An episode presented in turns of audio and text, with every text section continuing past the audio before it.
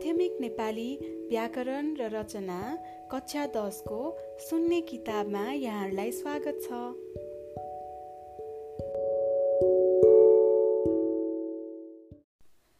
पान्ना number दुई सय पैँसाठी परिशिष्ट एक नमुना प्रश्नपत्र र उत्तर लेख्ने तरिका। विषय नेपाली समय दुई घन्टा पन्ध्र मिनट पूर्णाङ्क पचहत्तर उत्तीर्णाङ्क उत्तीर्णाङ्क पच्चिस। एक समूह कमा दिएका शब्दहरूको अर्थ समूह खबाट पहिचान गरी उत्तर पुस्तिकामा लेख्नुहोस्। कमा असहिष्णुता आ दाइजो इ विद्वेष इ रेमिट्यान्स ख विदेश गएकाहरूले स्वदेशमा पठाउने रकम आशीर्वाद घमण्ड विवाहमा दुलैलाई दिइने सम्पत्ति सहनशीलता शत्रुता। यो चाहिँ दुई नम्बर है। मार्क्स चाहिँ दुई दुई आउँछ यसमा। प्रश्न नम्बर दुई खाली ठाउँमा उपयुक्त शब्द भर्नुहोस्। यसको पनि मार्क्स अङ्क चाहिँ दुई छ। क संयोगको विपरीतार्थक शब्द के हो? मिलन बिछोड वियोग। ख कृतिको श्रुति सम्भिनार्थक शब्द के हो? यश रचना कीर्ति। ग नरको पर्यायवाची शब्द के हो? मानव दानव देवता। घ यो मध्ये कुन चाहिँ अनेकार्थक शब्द हो? कान काम बत्ती। प्रश्न नम्बर तिन अर्थ स्पष्ट हुने गरी वाक्यमा प्रयोग गर्नुहोस्। यसको पनि अङ्क दुई छ। निलम्बन हुने बिरुवाको चिल्लो पात प्रश्न नम्बर चार क तल दिएका शब्द समूहबाट शुद्ध शब्द छानी लेख्नुहोस्। यसको अङ्क चाहिँ एक छ। अ अको एकमा विदेश यसमा चाहिँ विदेशको ब ब नै छ अनि देशको स चाहिँ मोटो स छ। त्यसपछि दुईमा वी मोटो स से अनि पातलो स छ विशेष। तिनमा चाहिँ व राखेर वी भयो अनि दे अनि पेट काटेको स। अनि चारमा व राखेर बी दे अनि त्यसपछि मोटो स छ। आमा आको एकमा बालुवा टार बालु वा टार छ। दुईमा बालु बा टार छ। तिनमा बालु वा टार छ होइन सरी तिनमा वा लु वा टार चारमा बालु वा टा हलन्त छ। ख नम्बर तल दिएको वाक्यलाई शुद्ध पारी सार्नुहोस्। मैले भने कमा स्यालसँग होइन स्याल जस्ता मान्छेसँग डराउ यसमा चाहिँ मैले भने भयो कमा स्यालसँग होइन कमा।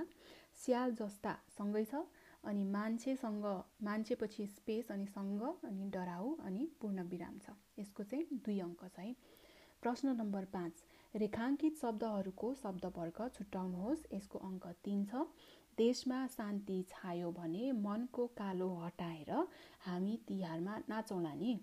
अब रेखाङ्कित गरिएको शब्दहरू चाहिँ शान्ति मनको हटाएर हामी नाचौँला नि। प्रश्न नम्बर छ क।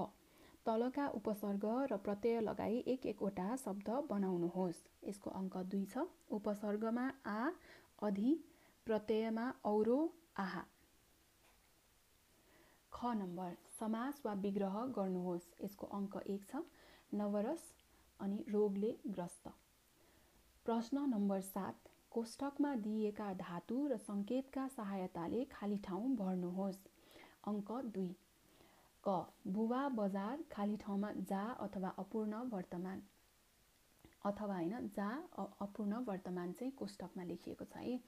ख दिदी कम्प्युटर चलाऊ अज्ञात भूत। ग पशुपतिनाथले सबैको रक्षा गर सामान्यार्थ। घ म राम्रो मान्छे बन्न सक इच्छार्थ। प्रश्न नम्बर आठ कोष्टकमा दिएका सङ्केतका आधारमा वाक्य परिवर्तन गर्नुहोस्। अङ्क चार। क मैले फुलहरू टिपेँ कर्मवाच्य। ख मैले पनि यो कुरा बुझेको छु अकरण। ग अनुशासित विद्यार्थी सफल हुन्छ मिश्र वाक्य। घ म बिहानै पढ्दै थिएँ प्रेरणार्थक। प्रश्न नम्बर नौ। सम्भावनार्थ क्रियापदको प्रयोग भएका कुनै तिनवटा वाक्यमा आफ्नो गाउँको वर्णन गर्नुहोस्। यसको अङ्क चाहिँ तिन छ। प्रश्न नम्बर दस। तल दिएको गद्यांश पढी सोधिएका प्रश्नहरूको छोटो उत्तर दिनुहोस्। यसको अङ्क चाहिँ पाँच छ। नेपालमा मधेस पहाड र हिमालमा अलग अलग प्रकारका संस्कृति छन् र ती सबै मिलेर नेपाली राष्ट्रिय संस्कृतिको निर्माण भएको छ। हामीलाई थाहा छ मधेसमा मिथिला भोजपुरा अवध आदि संस्कृतिहरू छन्। थारूहरूको आफ्नै सांस्कृतिक पहिचान छ। पूर्वी तराईमा रहेका सतार सतार मेचे दनुवार धिमाल राजवंशीहरूका आफ्नै संस्कृतिका मौलिकता छन्। त्यसरी नै नेपालका मुस्लिमहरूको आफ्नै संस्कृति छ। पहाडमा तमाग गुरुङ महर राई लिम्बूका आफ्नै सांस्कृतिक पहिचान छन्। हिमाली क्षेत्रमा शेर्पा लगायतका विभिन्न जातिका आफ्नै प्रकारका संस्कृति छन्। यसरी देशमा सबै धर्म जाति भाषा आदिको योगले नेपाली संस्कृतिको साझा रूप तयार भएको छ। हो विविधता नै नेपाली संस्कृतिको मूल पहिचान हो। देउडा गौरा लाखे सेलो सङ्गिनी हाकपारे मारुनी चुड्का ख्याली रोदी धान नाच माघी होली साकेला देउसी भैलो आदिको समष्टि रूप नै नेपाली संस्कृति हो। यही साझापनमा यही अनेकतामा एकता र आपसी आपसी सहिष्णुता नै नेपाली संस्कृति हो। प्रश्नहरू क नेपालको भूगोल र संस्कृति के कस्तो छ?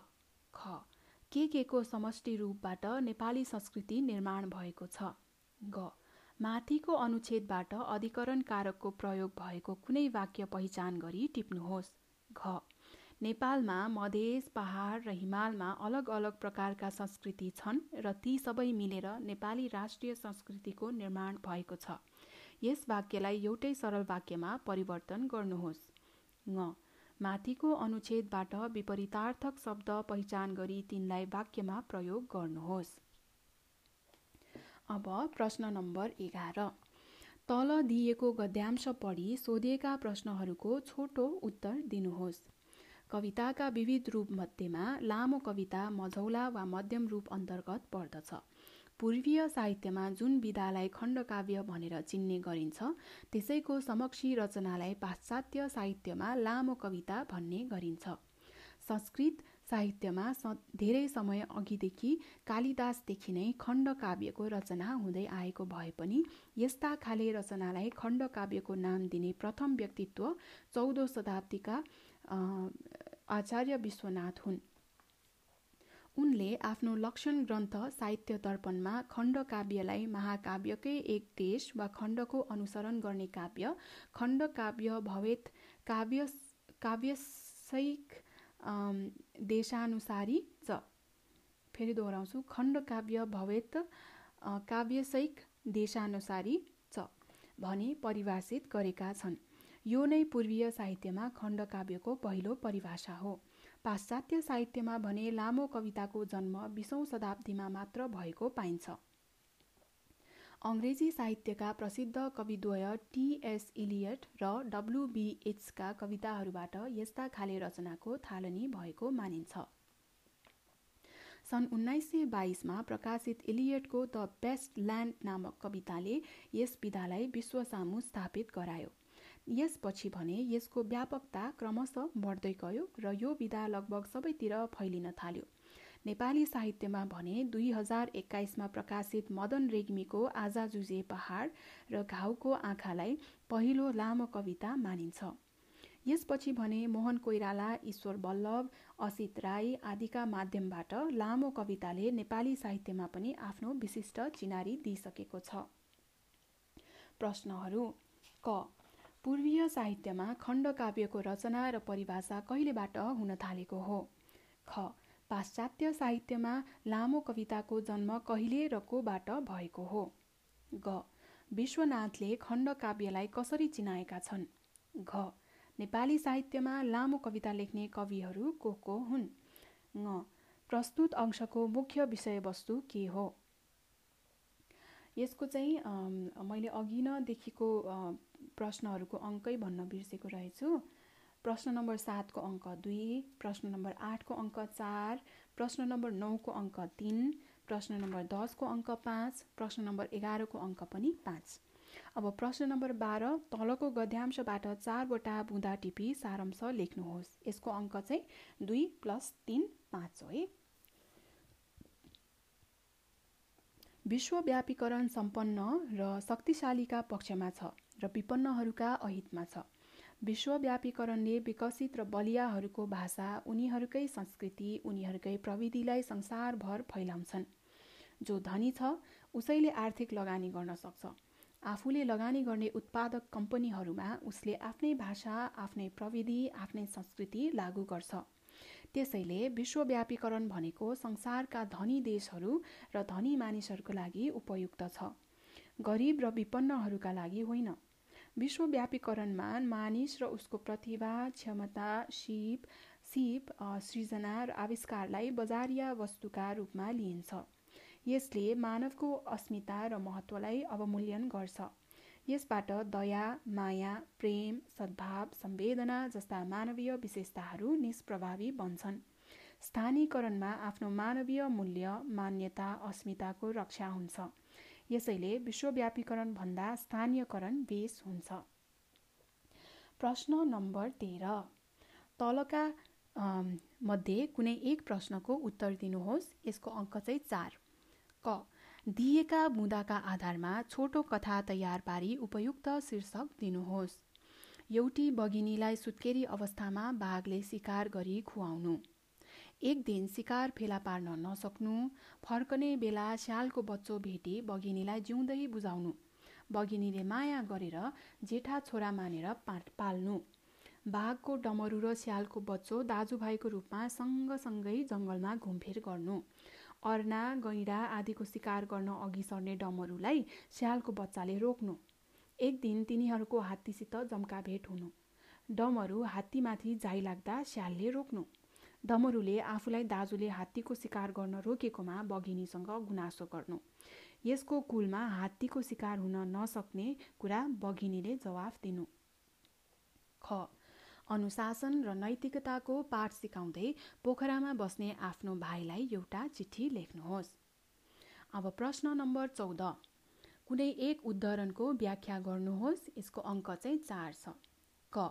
घरमा स्वास्नी अगतिली भएपछि लोग्नेको यस्तै दुर्दशा हुन्छ। ख। पोल्टो झोली रतन निधिका स्नेहले मुस्कुराइन् एउटा मोती लुङ चुडिन गई शैलमा झरझराइन्। प्रश्न नम्बर पन्ध्र। कुनै दुई प्रश्नको संक्षिप्त उत्तर दिनुहोस्। यसको चाहिँ अङ्क आठ छ। क। तलको कथांश पढी अन्त्यमा सोधिएका प्रश्नहरूको उत्तर लेख्नुहोस्। अब शोभाले रामुको सश्रु शुश्रूषा आफ्नो आफ्ना हातमा लिइन्। बाकसबाट धोएका लुगाहरू झिकेर रामुका लुगा फेरिदिन्। ओछ्यानमा पनि धोएका तन्ना खोला खोलहरू हालिदिइन् धोबी बोलाएर मैला लुगाहरू धुन दिइन्। कोठामा दिनको दुई पटक बडाड कुडाड हुन थाल्यो। कोपरा फिकदानीहरू रोजै माझिन लागे। कोठामा बिहान बेलुका दुई टाइम दुई टाइम धुप सल्काइदिन्थिन्। औषधि र पथ्य टाइममा पढ्न थाले। दिनरात रामुका सिरानीनेर बसेर रुमालले हम्काइरहन्थिन्। आफ्नो दैनिक जीवनमा यति ठुलो परिवर्तन भएको देखेर रामु अपार आनन्दमा निमग्न भइराखेका थिए। प्रश्नहरू अ। प्रस्तुत अंशका आधारमा शोभाका चारित्रिक विशेषताहरू के के हुन्? आ। रामु यस्तो अवस्थामा पुग्नाको कारण के हो? ख। तलको कवितांश पढी अन्त्यमा सोधिएका प्रश्नहरूको उत्तर लेख्नुहोस्। खाने त एक पेटैले हो त्यसैले टम्म हुन्छु म। लाउने त लाउने एक जोरैले जोरै हो त्यसैले गम्म हुन्छु म। जमिन तिन हातैको सुत्नलाई प्रशस्त छ। घाम पानी सके ओट्न झुपडी मग्न मस्त छ। प्रश्नहरू। अ प्रस्तुत कवितांशमा मान्छेको सन्तुष्टिका आधारहरू के के देखाइएको छ? आ यस कवितांशका आधारमा सन्तुष्टि कविताको मुख्य आशय के हो? ग।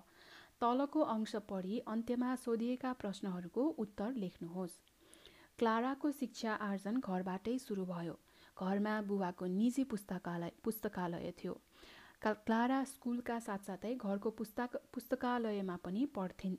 उनलाई साहित्य र इतिहासका पुस्तकहरू खुब मन पर्थे स्कुलमा उनले फ्रेन्च इटालियन र अङ्ग्रेजी भाषा सिकिन्।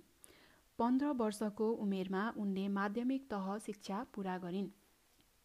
माध्यमिक शिक्षा पुरा गरेपछि क्लारा विश्वविद्यालयमा भर्ना भएर पढ्न चाहन्थिन् तर त्यति बेला जर्मनीमा महिलाहरूका लागि विश्वविद्यालय शिक्षा सहज थिएन। त्यसैले उनी एउटा शिक्षण शिक्षक प्रशिक्षण संस्थामा भर्ना भइन्। प्रश्नहरू अ क्लाराको शिक्षारम्भ र उच्च शिक्षाको अध्ययन के कसरी सम्पन्न भयो? आ प्रस्तुत अंशका आधारमा तत्कालीन जर्मन जर्मनीको सामाजिक तथा शैक्षिक अवस्थाको विश्लेषण कसरी गर्न सकिन्छ? अब प्रश्न नम्बर सोह्र। यदि तपाईँ विभीषण हुनुभएको भए आफ्ना दाजु रावण र दाजुको शत्रु रामचन्द्र कसलाई साथ दिनुहुन्थ्यो? आफ्नो विचार प्रस्तुत गर्नुहोस्। यसको लागि अङ्क छ चार। प्रश्न नम्बर सत्र। तलका कुनै एक प्रश्नको विवेचनात्मक उत्तर दिनुहोस्। यसको अङ्क छ आठ। क। तलका कथांश पढीहरू पढी सोधिएका प्रश्नको विवेचनात्मक उत्तर लेख्नुहोस्। लक्ष्मणले भने दाजु विभीषण र सुग्रीवहरू पनि हजुर नै लङ्काको राजा भइदिए हुन्थ्यो भन्ने चाहन्छन्। यो राज्य हामीले लडेर जितेका हौँ। यो हाम्रो अधीनमा आएको राज्य हो। यसैले हजुर यहाँ राजा भएर रहँदा राम्रै होला। बरु भरतलाई यतै झिकाई राम्ररी सम्झाएर उनलाई नै अयोध्याको आजन्म राजा बनाइदिउँ। हजुर लङ्काको राजा होइबक्स्योस्। लक्ष्मणको कुरा सुनेर रामचन्द्र एकछिन गम्भीर बने र भने लक्ष्मण तिमीले भनेको कुरा एक कोणबाट ठिकै हो। लङ्का जस्तो सुन्दर समृद्ध र शान्त राज्य अहिले अहिलेको दुनियाँमा छैन। फेरि यो हाम्रो बलबुताबाट जितेको राज्य पनि हो। यसरी अर्को राज्यलाई जितेर आफ्नो अधीनस्थ बनाउनु र त्यहाँ राज गरेर बस्नु दुनियाँमा नौलो र अनौठो कुरा पनि होइन। यसैले तिमीले भनेको कुरा आफ्नो ठाउँमा ठिकै छ। यति हुँदाहुँदै पनि म लङ्कामा राज गरेर बस्दिनँ। प्रश्न। माथिको संवादका आधारमा जन्मभूमि कथामा व्यक्त देशभक्तिको सन्देश के कस्तो रहेको छ? विवेचना गर्नुहोस्। ख। तलको अनुच्छेद पढी सोधिएका प्रश्नको विवेचनात्मक उत्तर लेख्नुहोस्। हरेक मार्च आठमा मनाइने नारी दिवसमा संसारभरिका नारीहरूले क्लारा जेटकिनका कार्यको खुलेर प्रशंसा गर्छन् र उनीप्रति श्रद्धाभाव व्यक्त गर्छन्। जस्तो सुकै कठिन अवस्थामा पनि नआत्तिने र आफ्नो उद्देश्यमा दृढ रहने सङ्घर्षशील नारीका रूपमा क्लारालाई सम्झिने गरिन्छ। व्यक्तिगत स्वार्थलाई त्यागेर सामूहिक हितमा आफ्नो जीवन समर्पण गरेकै कारण क्लारा जेटकिन अमर छिन्। प्रश्न। उल्लेखित अंशका आधारमा मार्च आठमा संसारभरिका नारीहरूले क्लारा जेटकिनलाई सम्झना गर्नको कारण के हो? विवेचना गर्नुहोस्। प्रश्न नम्बर अठार। कुनै एक शीर्षकमा एक सय पचास शब्दमा नघटाई निबन्ध लेख्नुहोस्। यसको अङ्क चाहिँ आठ छ। क देश विकासमा मेरो दायित्व। ख नारी शिक्षाको महत्त्व। ग गाउँले जीवन। धन्यवाद। यसका साथै प्रश्नहरूको अङ्क प्रश्नहरू सकिएको छ। दुई सय उनासत्तरी पान्ना नम्बरमा छौँ। अब चाहिँ हामी उत्तर लेख्ने तरिकामा पुग्दैछौँ। परिशिष्ट दुई। परिशिष्ट दुई उत्तर लेख्ने तरिका पान्ना नम्बर दुई सय सत्तरी। प्रश्न नम्बर एक क र ख छ यसमा चाहिँ यो जोडा लगाउने थियो। अ अमा सहिष्णुता भनेको सहनशीलता आ दाइजो भनेको विवाहमा दुलैलाई दिइने सम्पत्ति ई विद्वेष भनेको शत्रुता ई रेमिट्यान्स भनेको विदेश गएकाहरूले स्वदेशमा पठाउने रकम। प्रश्न नम्बर दुईको क? संयोगको विपरीतार्थक शब्द वियोग हो। ख कृतिको श्रुति सम्भिनार्थक शब्द कृति हो। ग नरको पर्यायवाची शब्द मानव हो। घ काम अनेकार्थक शब्द हो। प्रश्न नम्बर तिन निलम्बन। भ्रष्टाचारीको अभियोग लागेपछि हरिभक्तलाई सरकारले जागिरबाट निलम्बन गर्यो। अर्को चाहिँ हुने बिरुवाको चिल्लोपात। हुने बिरुवाको चिल्लोपात भने चाहिँ लक्ष्मीप्रसाद देवकोटाले दस वर्षको उमेरबाट नै कविता लेखेका हुन्। प्रश्न नम्बर चारको कको अको उत्तर भनेको विदेश आको उत्तर भनेको बालुवाटार। अनि खमा चाहिँ मैले भने स्यालसँग होइन स्याल जस्ता मान्छेसँग डराउ। प्रश्न नम्बर पाँच शान्ति भनेको नामपद मनको भनेको विशेषण हटाएर भनेको क्रियायोगी हामी भनेको सर्वनाम नाचौँला भनेको क्रियापद नि निपात। प्रश्न नम्बर छ। क। उपसर्ग आ आ प्लस देश आदेश। अधि अधि प्लस कार अधिकार। प्रत्यय। औरो। धुप प्लस औरो धुपौरो आहा बस प्लस आहा बस आहा। ख। समास। नवरस। नव अथवा नौ रसको समूह। रोगले ग्रस्त रोगग्रस्त। प्रश्न नम्बर सात क बुबा बजार जाँदै हुनुहुन्छ। ख दिदीले कम्प्युटर चलाउनु भएछ। ग पशुपतिनाथले सबैको रक्षा गर्छन्। घ म राम्रो मान्छे बन्न सकौँ। प्रश्न नम्बर आठको क मद्वारा फुलहरू टिपिए। ख मैले पनि यो कुरा बुझेको छैन। ग जो अनुशासित छ त्यो विद्यार्थी सफल हुन्छ। घ ऊ मलाई बिहानै पढाउँदै थियो। प्रश्न नम्बर नौ। देशमा गणतन्त्र आएपछि त मेरो गाउँले पनि प्रगति गर्ला। विकासका बाटोहरू खुल्लान्। हामी गाउँलेहरू पनि सुखी र खुसी बनौला। प्रश्न नम्बर दस। दृष्टांश बोध। क। नेपालको भूगोल मधेस पहाड र हिमालमा विभाजित छ भने संस्कृति साझा रूपमा रहेको छ। ख। देउडा गौरा लाखे सेलो सङ्गिनी हाकपारे मारुनी चुड्का ख्याली रोदी धान नाच माघी होली साकेला देउसी भैलो आदिको समष्टि रूपबाट नेपाली संस्कृति निर्माण भएको छ। ग. मधेस पहाड र हिमालमा अलग अलग प्रकारका संस्कृति छन्। घ. नेपालमा मधेस पहाड र हिमालमा रहेका अलग अलग प्रकारका संस्कृति मिलेर नेपाली राष्ट्रिय संस्कृतिको निर्माण भएको छ। ङ एकता। नेपालीहरूमा एकताको भावना छ। अनेकता। भौगोलिक सांस्कृतिक भाषिक अनेकता हाम्रो चिनारी हो। प्रश्न नम्बर एघार अदृष्टांश बोध। क पूर्वीय साहित्यमा खण्डकाव्यको रचना कालिदासदेखि नै भए पनि परिभाषा चाहिँ चौधौँ शताब्दीका आचार्य विश्व विश्वनाथबाट हुन थालेको हो। ख। पाश्चात्य साहित्यमा लामो कविताको जन्म बिसौँ शताब्दीमा कविद्वय टिएस इलियट र डब्लुबी इट्सबाट भएको हो। ग। विश्वनाथले खण्डकाव्यलाई महाकाव्यकै एक देश वा खण्डको अनुसा अनुसरण गर्ने काव्यका रूपमा चिनाएका छन्। घ। नेपाली साहित्यमा लामो कविता लेख्ने कविहरू मदन रेग्मी मोहन कोइराला ईश्वर बल्लभ र असित राई हुन्। प्रस्तुत अंशको मुख्य विषयवस्तु खण्डकाव्य र लामो कविताको सिद्धान्त र इतिहासको चर्चा गर्नु हो। प्रश्न नम्बर बाह्र। बुँदा टिपोट र सारांश लेखन। बुँदा टिपोट। एक। विश्वव्यापीकरणले सम्पन्नहरूको भाषा संस्कृतिलाई प्राथमिकता दिनाले यो विपन्नका अहितमा। दुई धनीको आर्थिक लगानीबाट खुलेका उद्योगहरूमा तिनैकै भाषा संस्कृति र प्रविधिको वर्चस्व। तिन मानवीय प्रतिभा क्षमता आदिलाई बजारीय वस्तुका रूपमा लिनाले मानव अस्तित्वको अवमूल्यन। चार मानवीय संवेदना र मूल्य रक्षाका लागि विश्वव्यापीकरण भन्दा स्थानीयकरण बेस। सारांश लेखन। स्थानीयकरणको महत्व विश्वव्यापीकरणले सम्पन्नहरूको भाषा र संस्कृतिलाई प्राथमिकता दिएर धनीको आर्थिक लगानीयुक्त उद्योगहरूमा तिनै कुराको वर्चस्व देखिनाले यो विपन्नहरूका अहितमा छ। यसले मानवीय क्षमतालाई बजारीय वस्तु ठानी अवमूल्यन गरेकाले संवेदना र मूल्यको रक्षार्थ स्थानीयकरण बेस मानिन्छ। मूल अनुच्छेदको शब्द सङ्ख्या एक सय चार एक तृतीयांश शब्द सङ्ख्या पैँतिस संक्षिप्तीकृत संक्षिप्तकृत शब्द सङ्ख्या पैँतिस। माफ गर्नुहोला त्यो मलाई भन्न आएन। प्रश्न नम्बर तेह्र ख चिठी लेखन। चिठी लेखनको यो चाहिँ बा दायाँपट्टिको माथिल्लो भागमा गौशाला कमा काठमाडौँ त्यसको तल मिति लेखिएको छ दुई हजार त्रिहत्तर साल बाह्र महिना दस गते। अब त्यसपछि बायाँतर्फबाट सुरु हुँदैछ प्यारो भाइ शुभ आशीर्वाद तथा न्यानो माया। हामी यहाँ सपरिवार सन्चै छौँ त्यहाँ तिमी पनि सन्चै छौ भन्ने कामना गरेको छु। अहिले चिठी लेख्नुपर्ने खास कारण त केही थिएन।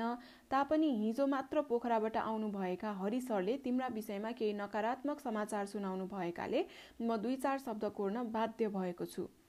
भाइ हिजो आज तिमी आमा बुवाको सपना र मेरो लक्ष्य विपरीत गलत बाटामा लागेका छौ रे।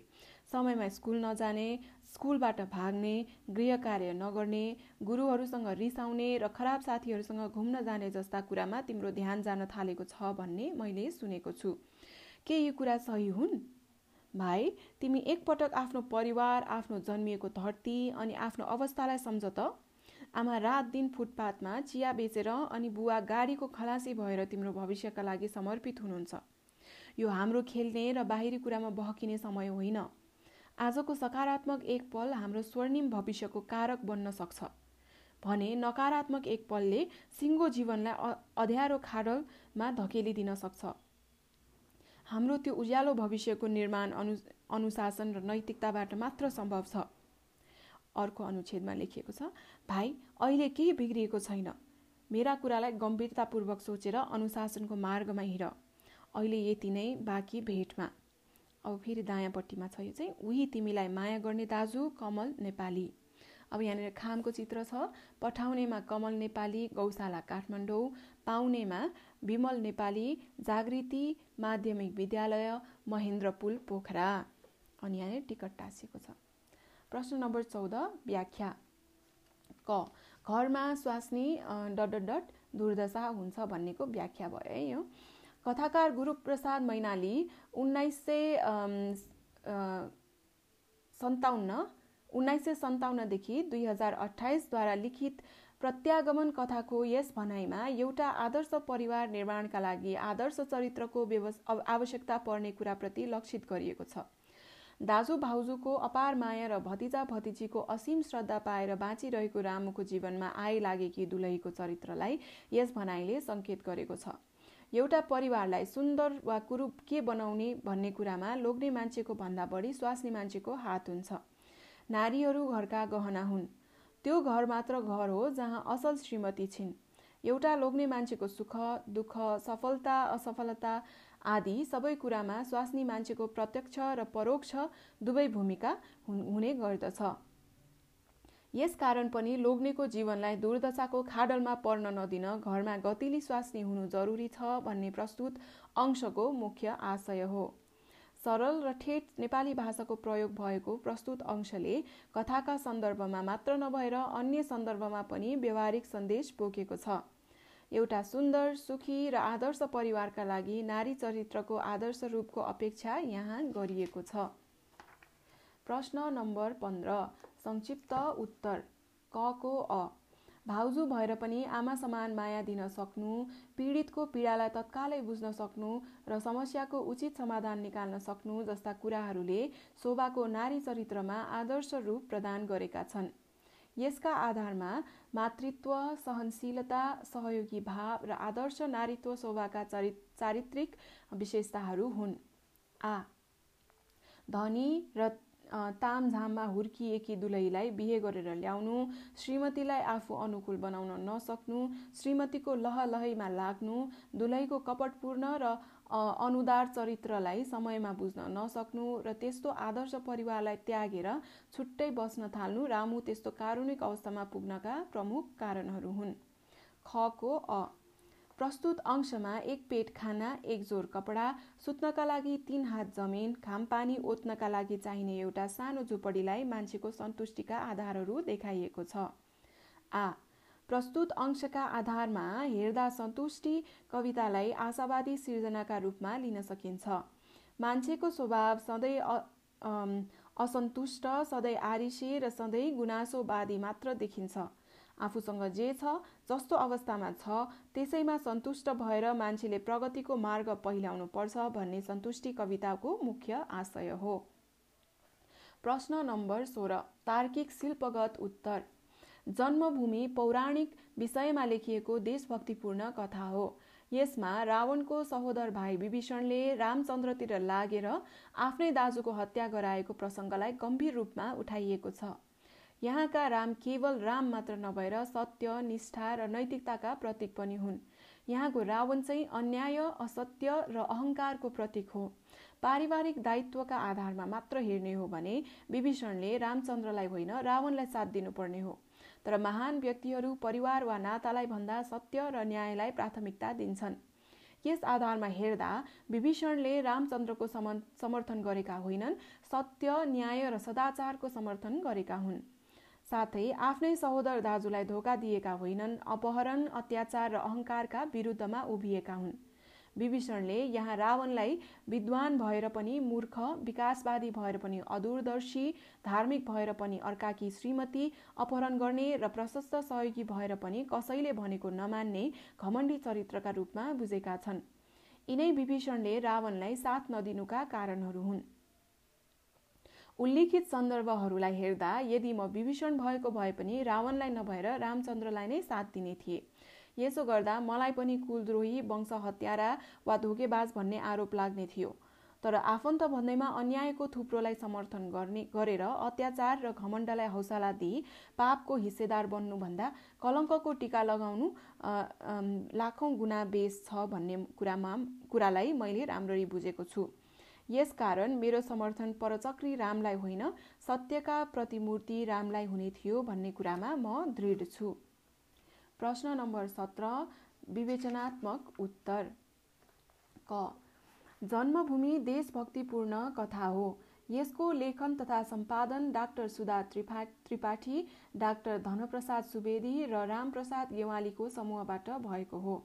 विश्व प्रसिद्ध कृति रामायणको सुन्दरकाण्ड अन्तर्गत रावणबद्ध प्रसङ्गपछिको फेरि दोहोऱ्याउँछु। अन्तर्गत रावण वध प्रसङ्गपछिको लङ्काको राजा को हुने भन्ने विषयमा राम र लक्ष्मणका बीचमा भएको संवाद नै प्रस्तुत कथांशमा आएको छ। यस कथाको मूल मर्म वा केन्द्रीय कथ्य नै यही संवादांशमा समेटिएको छ। प्रस्तुत सन्दर्भका आधारमा नै जन्मभूमि कथामा व्यक्त देशभक्तिको सन्देशको विवेचना गर्न सकिन्छ। जन्मभूमि पौराणिक कथा हो। यस कथाको कथावस्तुको बीज रामायणमा पाइन्छ। जननी जन्मभूमिस्स स्वर्गादपि गरिएसी भन्ने महान सुक्ति नै यस कथाको मूल आधार हो। रावणले सीतालाई अपहरण गरेर लङ्का पुर्याएपछि सीता खोज्दै लङ्का पुगेको रामको समूह विभीषण र सुग्रीवहरूको सहयोगबाट रावणको हत्या गर्न सफल भयो। विभीषणलाई वंशद्रोहको आरोप लागे पनि उनी सत्यका पक्षधर भएर उभिए। यति मात्र होइन विभीषणले लङ्का विजयपछि त्यहाँको राजा रामलाई नै बनाउन चाहेका थिए। यसबाट उनको सत्य पक्ष धरता मात्र होइन। लोभ लालच रहित चरित्र पनि झल्किएको छ। बरु लङ्काको सुन्दरता र सम्पन्नताबाट लक्ष्मण चाहिँ के लोभिएका देखिन्छन्? प्रस्तुत कथांशमा लक्ष्मणले रामलाई अयोध्या भरतलाई छाडिदिएर लङ्काको राजा बन्न आग्रह पनि गरेका छन्। यो आग्रह लक्ष्मणको एक्लो होइन। यहाँ विभीषण सुग्रीव र लङ्कावासीहरूको पनि चाहना लुकेको छ। यदि रामचन्द्रले भाइ र अन्य सबैको त्यस आग्रहलाई मानेका भए न त रामको आदर्श नै बाँकी रहन्थ्यो न त देशभक्तिको विश्वव्यापी आदर्शको स्थापना नै हुन पाउँथ्यो। यस घटनामा व्यवहारिक सत्य र देशभक्तिपूर्ण आदर्श बीचका द्वन्द्व देखिन्छ। विजय प्राप्त गरेको राज्यमा राजा भएर बस्नु परम्परित र व्यवहारिक दुवै सत्य हो। यदि यसो गरेकै भए पनि रामलाई त्यति ठुलो आरोप त लाग्ने थिएन।